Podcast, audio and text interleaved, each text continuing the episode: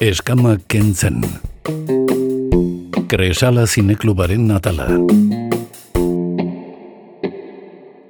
Aste artea da, entzule, badekizu aste artetan e, zinemari buruz aritzen garela, eta normalean esan behar nuen, baina beti izaten da, e, kresalako laguna konbidatzen ditugu, kresala zinekuleko laguna, kasieran iragarri dugu gaurko pelikula zein den, Olga du izenburua, duela bi urte, jada bai, de 2008 batekoa da, e, Suizako pelikula da, Eli Grape e, zuzendutakoa, eta gaur daukago telefonoaren beste aldean pelikula zoragarri honen inguruan hitz egiteko, Janet Diez, zer modu zaude, Janet? Ba, oso ondo, eta zu, Kristina? oso ondo, zurekin hitz egiteko gogoarekin beti ekartzen dituzue poli, e, pelikula interesgarriak, baina hau zeut e, oso e, bitxia dela, e, pelikula laburra, bueno, edo, bai, bueno, ez dakit, e, laro minutuko iraupena dauka pelikula honek, olga du izenburua, e, hasieran esan dugun bezala, eta guazen pixkanaka, pixkanaka kontatzera e, zer aurkitu dezakegun e, pelikula hontan. Zer kontatzen du zuzendariak olgan, Janet, e, zein da sinopsia? Ba, e, gure protagonista neska gazte balta, e, Ukraniakoa eta bera gimnasta da, e, bere ametxan nola ez, ba, olimpiaretan, eta, bueno, kompetizio handietan ibiltzea da. Eta, bueno, e, ba, patean, e, ba, 2000 mairuan gertatzen den e, Ukranian konfliktoa, euromairan, e, ba, horrekin topo egiten du, eta nola ez, ba, Ukraniatik alde egin beharko du, ama atzean utzi beharko du, ama kazetaria da, eta, bueno, Suizara jungo da, am, aitaren familia du, aita hilda dago, baina, bueno, dauka bere e, aita, aitaren aletikan familia, eta bertako e, gimnasia taldean sartuko da. Eta, bueno, hor eukiko bere ostopoak, ez bakarrik izkontzagatikan, ze bertako izkontza ez du hainbeste kontrolatzen, baita ere, ba, nola ez, ba, taldean, ez, berri bada, eta, bueno, horreukiko ditu bere zeitazunak. Olga pelikularen inguruan ari gara hitz egiten e, eh, kresalatzen lagunekin, gaur e, Janet diezen txanda da, eta tartzetxo bat hartu behar dugu e, pelikula honen inguruan jarraitu aurretik Janet, zea besti espentsatu duzu tarte ontarako? Ba, seguruna Eurovision ikusten dutenek ezagutuko duten abestia dela, ze e, lehen gurtean, 2008an irabazizun abestia da, e, Ukraniako Kaluz Orkestaren talearen abestia, eta izena da Estefania. Guazen entzutera ba.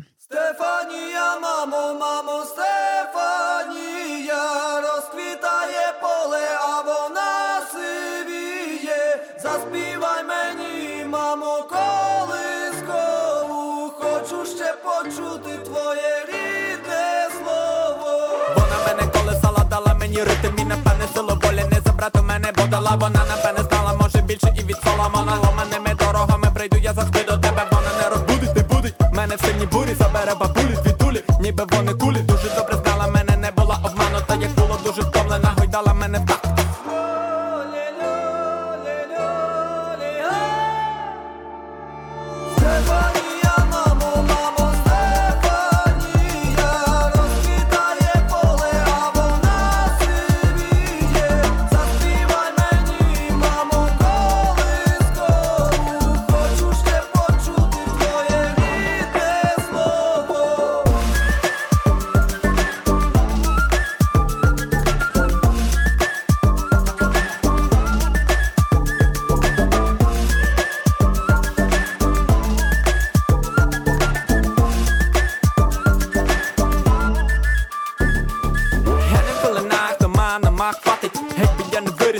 та виріс, а речі платить Я не мала дитина,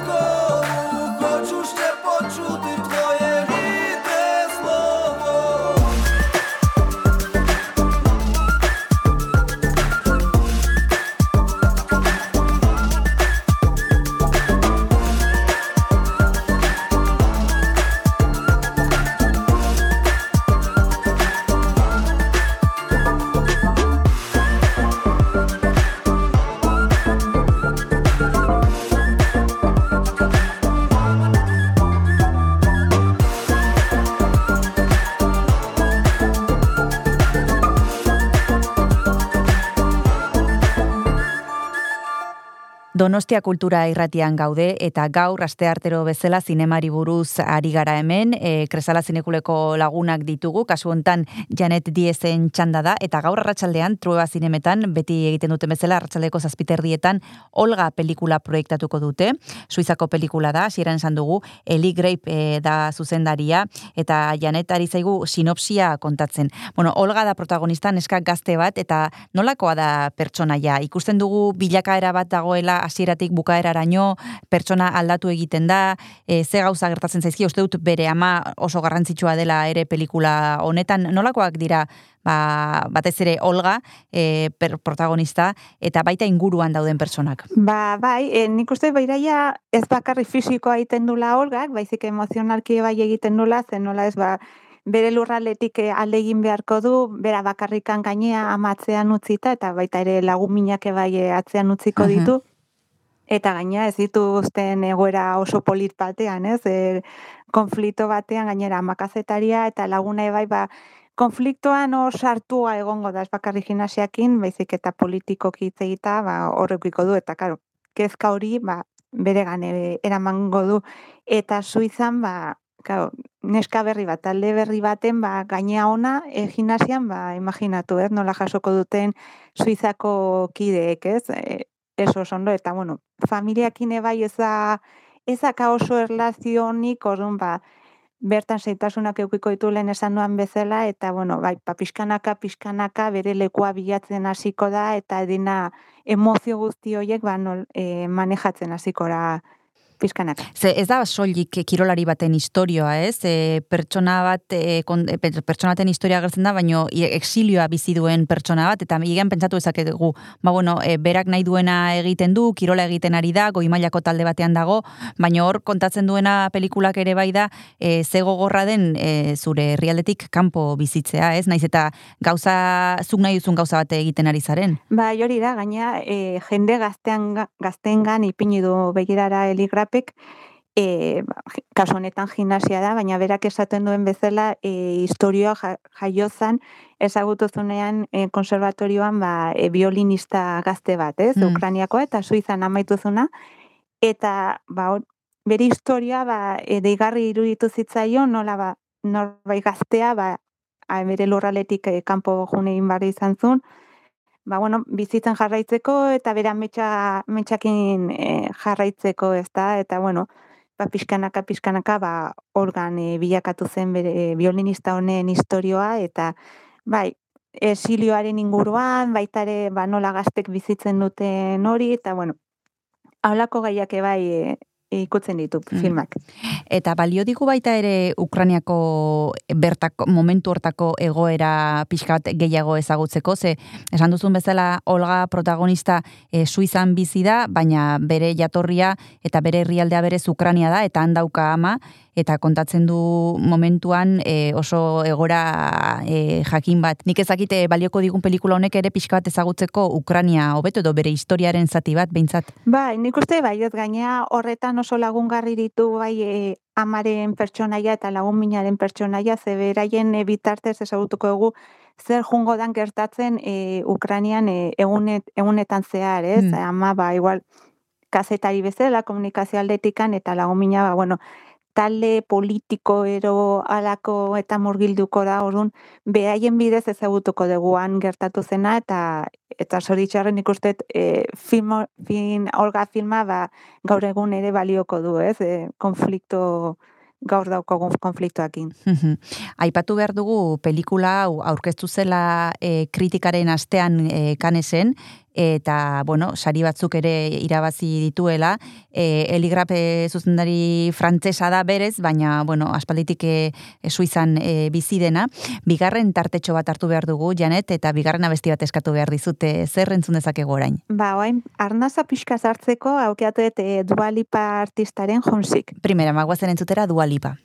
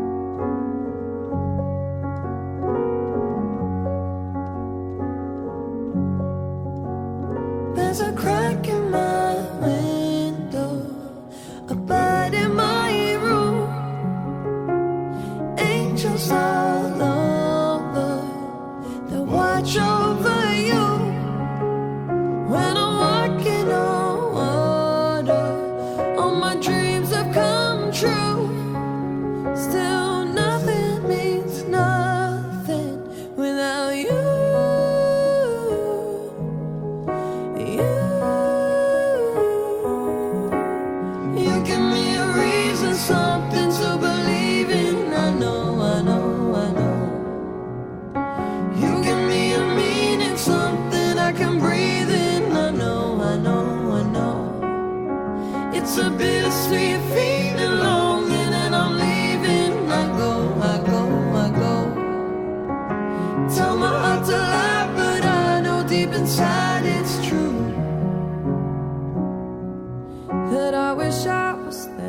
with you. That I wish I was there with you. Oh, I wish I was there with. You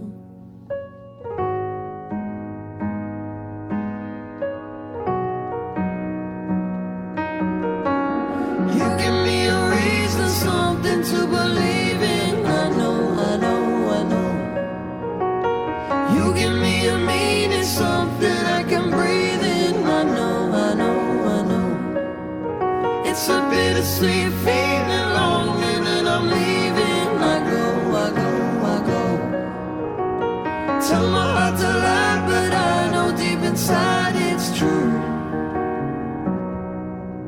That I wish I was there with you. That I wish I was there with you. Oh, I wish I was there with you.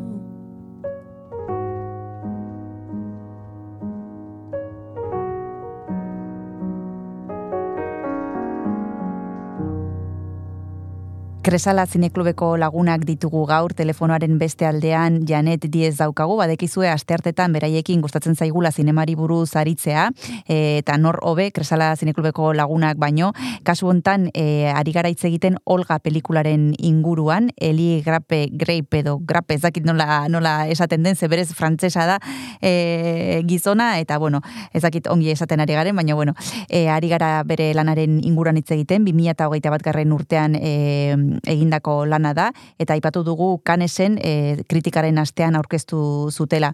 E, Janet, jakin nahiko genuke, e, ze gustatu zaizun pelikula ondatik gehien. E, kritika mortoa daude sareetan eta interneten, baina zuri pertsonalki zer gustatu zaizu? Ba, neri gehien gustatu zaitana da e, filma oso erraz ikusten dela. Mhm. E, ez da hain luzea, zuk esan bezala, laroita masei, laroita sei minutu irauten ditu, eta erraz jarraitzen da historioa. Gaina gai gogorra du hor, e, bueno, gai, ero gaiak, gogorrak ditu hor, e, tartean eta nola kontatu duen e, gustatzen zaitez, hain erraz eta guztiok ondo ulertzeko e, e, moduan e, kontatua da hola. Hemen aipatzen dute batzuk e, oso ondo dagoela kontatua historia, kamera dagoela hartuta bizkarraren gainean, e, eta bueno, ez dela hainbeste gauza politiko bat, baizik eta drama pertsonal bat, ezakite ados zauden horrekin. Ba, nik uste e, ba hori ez, e, gazteek e, nola bizitzen duten egoera hori esilioa ba, e, irurikatzen du filmak egia da, ba, ba pixkat ambientean ipintzeko, ba, e, zuzendariak e, Ukrainian gertatu zen momentu horretan e, murgildu du, ez? Gaina, e, nabarmendu nahi dut, e, zuzendaria hogeita zortzi urte bakarrik Mm. dituela. Mhm. Eta alako filma e, e, ekitea, ero e, gaia interesatzea, ba, meritua da kaneretzako. Mhm. Eta zerbait ez zaizu gustatu Janet, aipatu ditugu gustatu zaizkizun gauzak, baina ez dakite zeiba, zerbait e, nabarmentzakoa dagoen pelikula hontan, ba ez, hain- ez zaizuna gustatu hainbeste. Ba, momentu honetan, ez?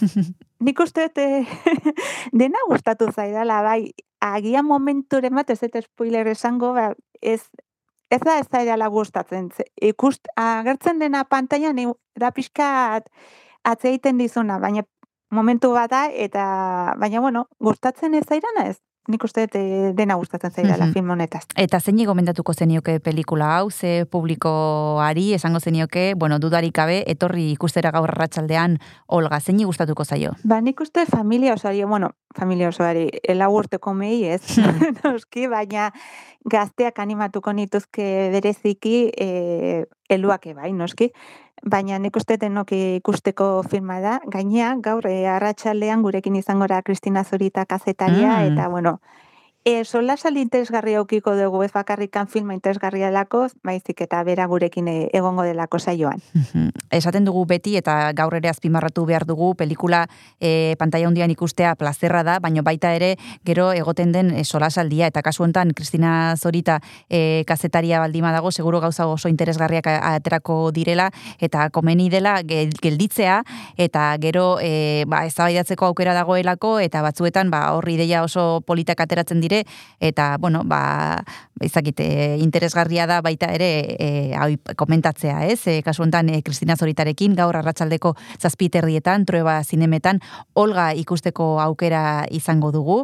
Esan bezala pelikula ederra, kanesetik e, pasatakoa, e, duela japi urte, Eli Grapek e, zuzendutakoa. E, zerbait gehiago, Janet, e, pelikula hau ikustari bateko komentzitzeko? Ba, guztiok etortzea. nik uste eh, filmak eh, bakarrik itzein dezake eta nik animatu nituzke guztiok etortzea, gazteak bereziki, eta bertan ikusiko gea, Kristinakin hitz egiteko. Oso ondo, ba, mila esker, Janet, eta horrengor arte. Zuri beti. Eskama kentzen. Kresala zineklubaren atala.